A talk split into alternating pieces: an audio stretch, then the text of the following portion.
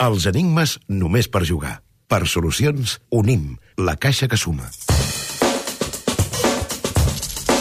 Mario Serra, molt bon dia. Bon dia i bona hora. Tenim llibres, tenim enigmes, tenim superenigmarius i tenim una classificació. Tenim de tot. La classificació ja té 1.512 participants. Què dius ara? Hem, anem pujant d'un ritme de inflacionari, diguem. Sí. Totalment. Encara no et diré cap uh, líder perquè te n'hauria de dir 21. Ui! Que en tenen 80 Això encara punts va apretat, tots. sí. Ara, sí que et diré el número 22 perquè va sol, amb 79, és a dir, el que ha fallat només un és en Roger Sarrià de València. Apreta, apreta des de València, Ah, que estàs a punt aquest- d'agafar els capdavanters. Exactament, aquest punt. Mira, avui el Superenigmarius dona 4 punts. No Mhm. un, sinó 4. I no te les llenço damunt de la taula, com faig sempre, perquè n'hi ha moltes de lletres. En té Llença-les, 16. llença-les, llença-les. En té 16. Jo crec que no, que no hi arribarem. Escolta'm, l'altre dia te la vaig encertar, eh? Home, sí, però eren set lletres, diguem, els Beatles, eh? Aquí en tenim moltes. Jo t'he de dir, jo t'he de dir que la pista que donem sempre, abans de llegir l'anagrama que es forma amb tot, a les 16 lletres del nom i cognom del cantant, personatge ocult, és la pista Silenci a la sala que entra Kubala. Carai. Mm, a part de Kubala, hi havia altres jugadors que ara no entre... Moreno, no Ja, entrarem, ja, ja, no? ja. Però bé, l'anagrama que amaga el nom compost i el cognom d'aquest personatge ocult és Ajuntem-ne a l'arròs. Ajuntem-ne a l'arròs. Sí, que és com una paella. I la pista, silenci a la sala, que entra Cobala. Ara he vist la solució. Mm. Podeu enviar les respostes a copa arroba enigmarius.cat o un SMS al 27033 amb la paraula cateni, un espai, la resposta i les vostres dades. Preu del missatge, 1 euro amb 42 cèntims. Teniu temps per participar-hi fins a dos quarts de dotze. Participa-hi i guanya una estada exquisida nit d'hotel i sopar tradicional per dues persones. Gràcies a Unim, la caixa que suma. Busques pis a Amposta? A Unimcasa t'ho posem fàcil. Els dies 1 i 2 d'octubre fem jornada de portes obertes a les promocions d'habitatges d'Amposta. A més, aquests dies 1 i 2 d'octubre pots aconseguir un descompte exclusiu de fins a 86.000 euros en la compra del teu pis. Sí, ho has sentit bé, 86.000 euros. Informa't a unimcasa.cat o al 900 420 420 amb la garantia d'Unim. Barcelona-Madrid en tren. Dues hores i 38 minuts per assaborir un bon llibre. Renfe. I amb una mica menys de temps eh, teniu unes bones recomanacions per emportar-vos-els al tren o allà on vulgueu. Amb què comencem? Manu? Mira, oh, comencem amb un 10.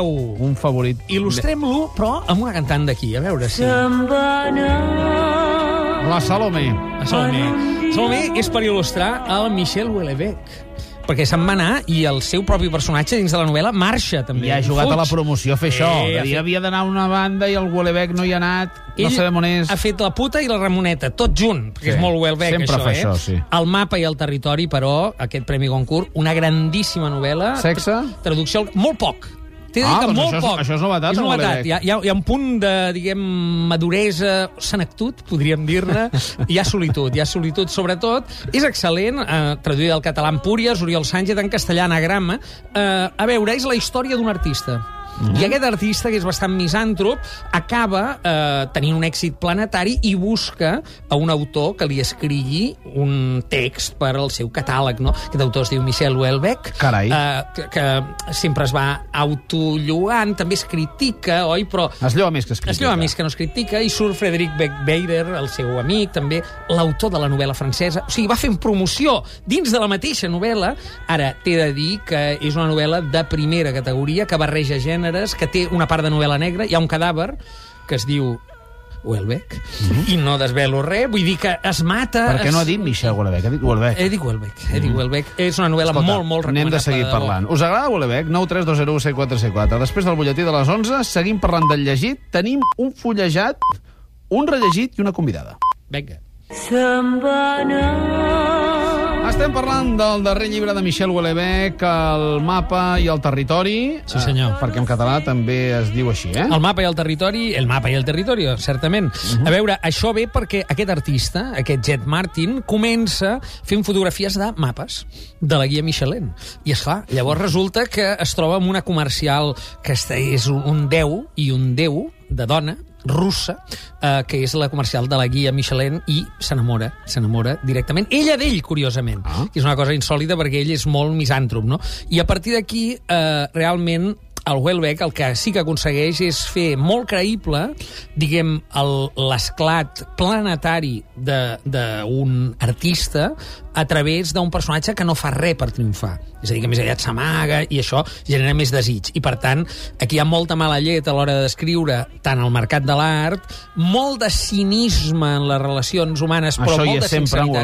Eh, vol dir, s'ha s'ha acabat veient molta misantropia, molta solitud, el fet que ell mateix s'autodibuixi apartant-se del món no és aliè a un to, diguem, en el qual s'està lluny del desig sexual, hi ha, hi ha molta al·lusió al sexe com una nosa, eh, també, o com una eh, guerra que de vegades no val la pena emprendre, i aleshores, clar, mm, tot això va passant, eh, eh, és realment fascinador, és una gran novel·la, i a partir d'un cert moment hi ha un crim, i apareix mort, i ja ho dic ara, perquè... No, home, no, normalment- no. Sí, Michel Ah, sí? Houellebecq.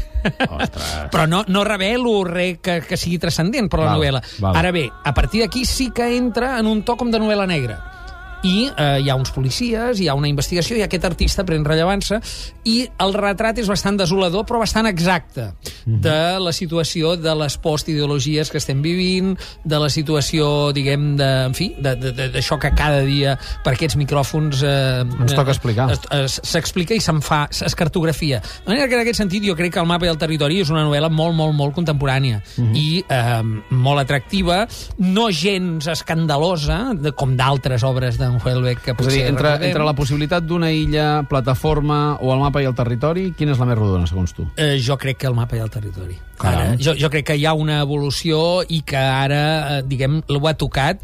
Eh, és un, jo, jo, eh, per intentar definir-la, tu posava una contradicció, un oxímoron, és un cinisme càndid o una candidesa cínica. I aquí és on ens movem ara. Un, un gran novel·la, gran recomanació, de debò, El mapa i el territori, Michel Houellebecq, Empúries en català, en castellà anagrama. Mots clau? Art, mercat, mercat d'art, però soledat, però intriga, però cinisme i desaparicions. D'aquí el se'n va anar. Ja sabem que aquí desapareix és Houellebecq, però en fi. Sí, sí, Sona sí. il mondo. Aquí tenim el Jimmy Fontana, avui, com veus, em poso una mica, diguem, eh, vintage, eh, o 40 anys, més que 20, eh, perquè fa molts anys d'això, per eh, il·lustrar un clàssic totes les cosmicòmiques, un clàssic d'Italo Calvino, que ara surten així recollides a edició 62 en la traducció al català d'en Francesc Miravilles, que va fer el primer llibre, les cosmicòmiques, i en Xavier Lloberes, el poeta Xavier Lloberes, que hi ha afegit altres textos.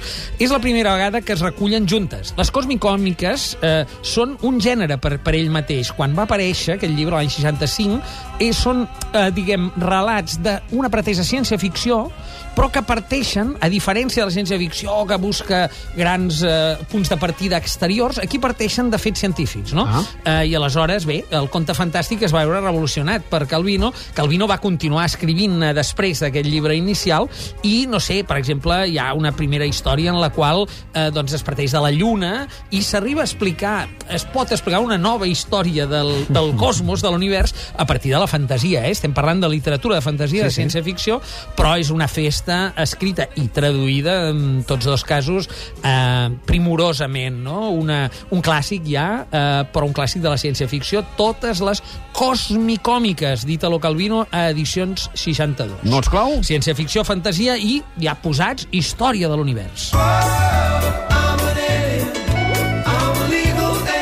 Déu-n'hi-do el fullejat.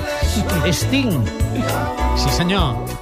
Diu que és un Englishman in New York. Mhm. Això és per il·lustrar un llibre inclassificable, que acaba de sortir ara. Com es diu. Mi, exactament. Millor English, però English en vi, eh? Com pots veure. Sí. Millor English. Aquest eh, diu, el seu subtítol ja ho aclareix una mica, diu Nanolliçons d'anglès per a supervivents. Els autors són Carles Rocafont i Salvador Massip, un d'ells, Salvador Massip, escriptor de ciència-ficció també, i és una via, això ho ha dit a Bromera, és una via original i divertida per millorar vocabulari. No és un llibre per aprendre anglès, ja se n'ha de saber una mica, però eh, aquí són històries en les quals cadascuna de les històries et permet aprendre algun tipus de vocabulari per defugir una mica l'encarcarament de la lliçó d'anglès, allò del how do you do, el how are you, eh, potser que la primera et diu hiya, eh, o hey man, mm. o what's up, o... Where to? Alta, exacte. Eh? Altres vies que no es troben mai en els llibres i aquí, a partir d'una formulació simple però eficaç d'unes històries, vas a petar, no et diré argot, sinó expressions expressions més col·loquials, més vives, i potser sí que aprendràs a tenir un millor English en vi. Home, eh, hi ha coses que, que estan bé. Jo recordo aquella pel·lícula Night on Earth, que un Winona Ryder de, de taxista, mm, per Ah, dir on t'han de portar, acaba dient where to.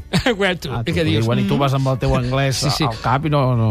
Sí, que, que dius, he de construir amb el verb to do, where am I supposed to go? No, Ah, ens sap molt la, la nostra convidada de, de com es parla amb argot als Estats Units perquè hi ha viscut, és la Yolanda Bataller. Molt bon dia, Yolanda. Bon dia. Una escriptora que acaba de publicar el seu segon llibre, El límit exacte dels nostres cossos, i que, com sempre fem, els busquem quan no tenen feina, quan no estan acabant un treball ni, ni res que s'hi assembli, i que ens facin cinc recomanacions de llibres que consideren importants a, a, a la seva vida. A més a més, amb la Yolanda juguem en avantatge perquè ara mateix també treballa com a directora editorial de La Galera. Sí, de fet, el Salvador Massip és autor meu, autor d'Ullal. O sigui que ja he vist, ja he vist meu, que... has vist? Sí, sí, sí, amb això. Sí, som sí, així, som sí, així, sí, els sí. editors. Escolta, i una com passa d'editora a escriptora? Mm, eh, Què és primer, no? L'ou Sí. o la gallina? De fet, escriptora és abans que editora, tot Sí. i que no publicava. Sí. I crec que el fet de, de portar gairebé 15 anys treballant d'editora m'ha frenat molt a publicar, perquè quan veus la quantitat de barbaritats, bogeries i, i títols que publiquem tots els editors, dius, bé, jo vaig escrivint i algun dia hi arribaré. Però bé, amb la memòria de les formigues va començar la història com a escriptora públicament i, i aquí estem. Hi ha qui diu que amb la memòria de les formigues et vas treure de sobre el pes de la pròpia vida, de- d'haver d'explicar tot un seguit de coses... Tot és mentida, com tu saps, que que, em coneixes de petita, tot és mentida. I, en canvi, com és aquest límit exacte de, dels nostres cossos? Són El petits li- relats? Mm? El límit exacte dels nostres cossos són els nostres desitjos, que Mhm. no tenen límit. Desitjos entesos d'una forma global.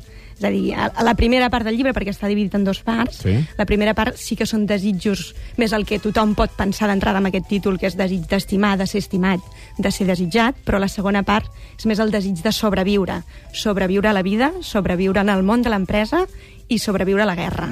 I, de fet, la segona part compara molt els perfils humans en una empresa i els perfils humans en una guerra, que sovint s'assemblen molt. I per sobreviure en un lloc i un altre requereix de tècniques Hem d'anar amb semblants. casc. Hem, sí. hem de portar casc. Sempre. I alguna, I alguna cosa més, eh? Perquè el, el cas protegeix, però suposo que en alguns casos també... Cal contraatacar. Cal defensar-se, no? um, Yolanda, quins són els teus cinc llibres emblema?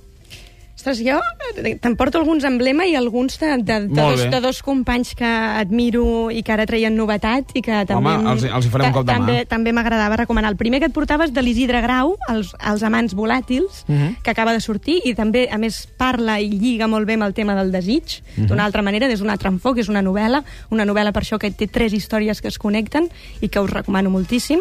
L'altra, diferent... De, deixa'm fer un apunt només. Sí. L'Isidre Grau és un autor amb una trajectòria molt, molt llarga. Fet, ja és un des dels autors que va guanyar el Sant Jordi des dels colors de l'aigua 89. i, i, per tant, eh, ha anat fent una, una via amb una evolució bastant interessant Sí. cap a una narrativa més contemporània, Sí. no tan eh, situada en el passat. I aquí Suposo que realment ho aconsegueix és, no? moltíssim col·locar-se en la veu de les dones. Ah. O sigui, eh, sí, sí, aconsegueix una, reproduir la veu de la feminitat d'una manera interessant. La segona Li que us recomanem a porto... Wellebec. A li- sí, li convindria bé, eh, li bé. Ara has fet, un, has fet d'espoiler total amb això de Wellebec, eh? De dir, Sí, sí, no? sí. Això no està bé, Sí, Màrius. pa, pa, Això no tampoc està bé que desaparegui, diguem, i, No, i ho està faci fatal. Per tant, fatal. ell s'auto-assassina a la de- novel·la. Per tenies això ho he fet. ganes de... Sí. Bé, la segona recomanació és també d'un autor, de, de fet és del 71, el Gavi Martínez, que publica Només per a gegants. Molt diferent del que us acabo de parlar. Aquí la història és la història de la mort d'aquest Jordi Magraner, basat en un fet real, que va desaparèixer al, al Pakistan mentre buscava, Buscava el Yeti, Yeti. no? Sí. I és bastant al·lucinant. De fet, el Gavi, que sempre li interessen...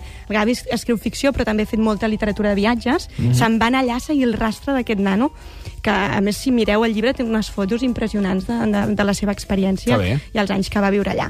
I ara sí, anem al cor de la cosa. Va, de, del cor de la cosa, de llibres que m'han marcat, tenia Carson McCullers, El cor és un caçador solitari, de nou una gran búsqueda de l'amor, del desig de- d'aquests personatges, aquell mut no, que per, que amb aquell altre amic que tothom s'hi sent identificat, que tothom pensa que entén la vida de tots, però com que és mut no la pot explicar, però és un mestre per tots, i que s'acaba suïcidant. I és, bueno, per mi és, hi ha una nena No, petita si en aquesta novel·la. mira el que acaba de això fer és la un Iolanda. clàssic, té fa 100 anys. No, però potser hi ha algú que no se l'ha llegit. Llegiu-la, no, no és igual, com amb Hulebeck no, no té cap importància. No té cap importància perquè l'important és el, el, com parlen aquests personatges, com transmeten la seva necessitat de ser estimats i d'estimar, Mhm. i és eh, impressionant. I un altre que també molt recomanable, i, i l'he llegit aquest estiu, però ja fa molts anys que va sortir, és Carlos Fuentes, Los años con Laura Díaz. Mhm. Que realment jo Carlos Fuentes l'havia llegit poquíssim i no, mai m'acabava d'atrapar i aquesta novel·la, que és una novel·lota, eh, igual té 600 pàgines, t'explica la vida d'aquesta senyora des de que és nena fins, fins als seus últims dies i alhora entens moltíssim tot el que és la cultura del seu país. Molt bé. I com a última recomanació seria Elizabeth Smart, en la gran estació central em vaig asseure i plorar. Una, una no- un- novel·la prosa poètica, que la prosa poètica és molt complicada i molt difícil de fer bé i no caure en, en per dir-ho clar, en l'horterada o la carrincloneria, i realment Elizabeth Smart ho fa d'una manera increïble. Ja té un cognom que li predisposa. és smart, no? és smart. Barbàlia. T'agraïm moltíssim que ens hagis visitat, Yolanda. Et desitgem sort amb el teu darrer llibre, El límit exacte dels nostres cossos, que es presenta el dia 24. Sí, em sembla que si tu ho saps bé, no, això? Digue'm el lloc exacte perquè hi he Jo sempre confonc l'AFNAC de Diagonal i el de Plaça Catalunya. És un dels dos. El límit exacte És un dels dels dos, crec que és el d'aquí, nostres- Diagonal. Millor- el límit mi- exacte dels nostres cossos t'ho diré. Millor diré. que, mi- que m'ho confirmis. Sí, t'ho diré. Que vagi molt bé. Oh, gràcies, Màrius. Fins A la setmana entrant. Bon Fem dia. una petita pausa i obrim el Pantalles Domèstiques.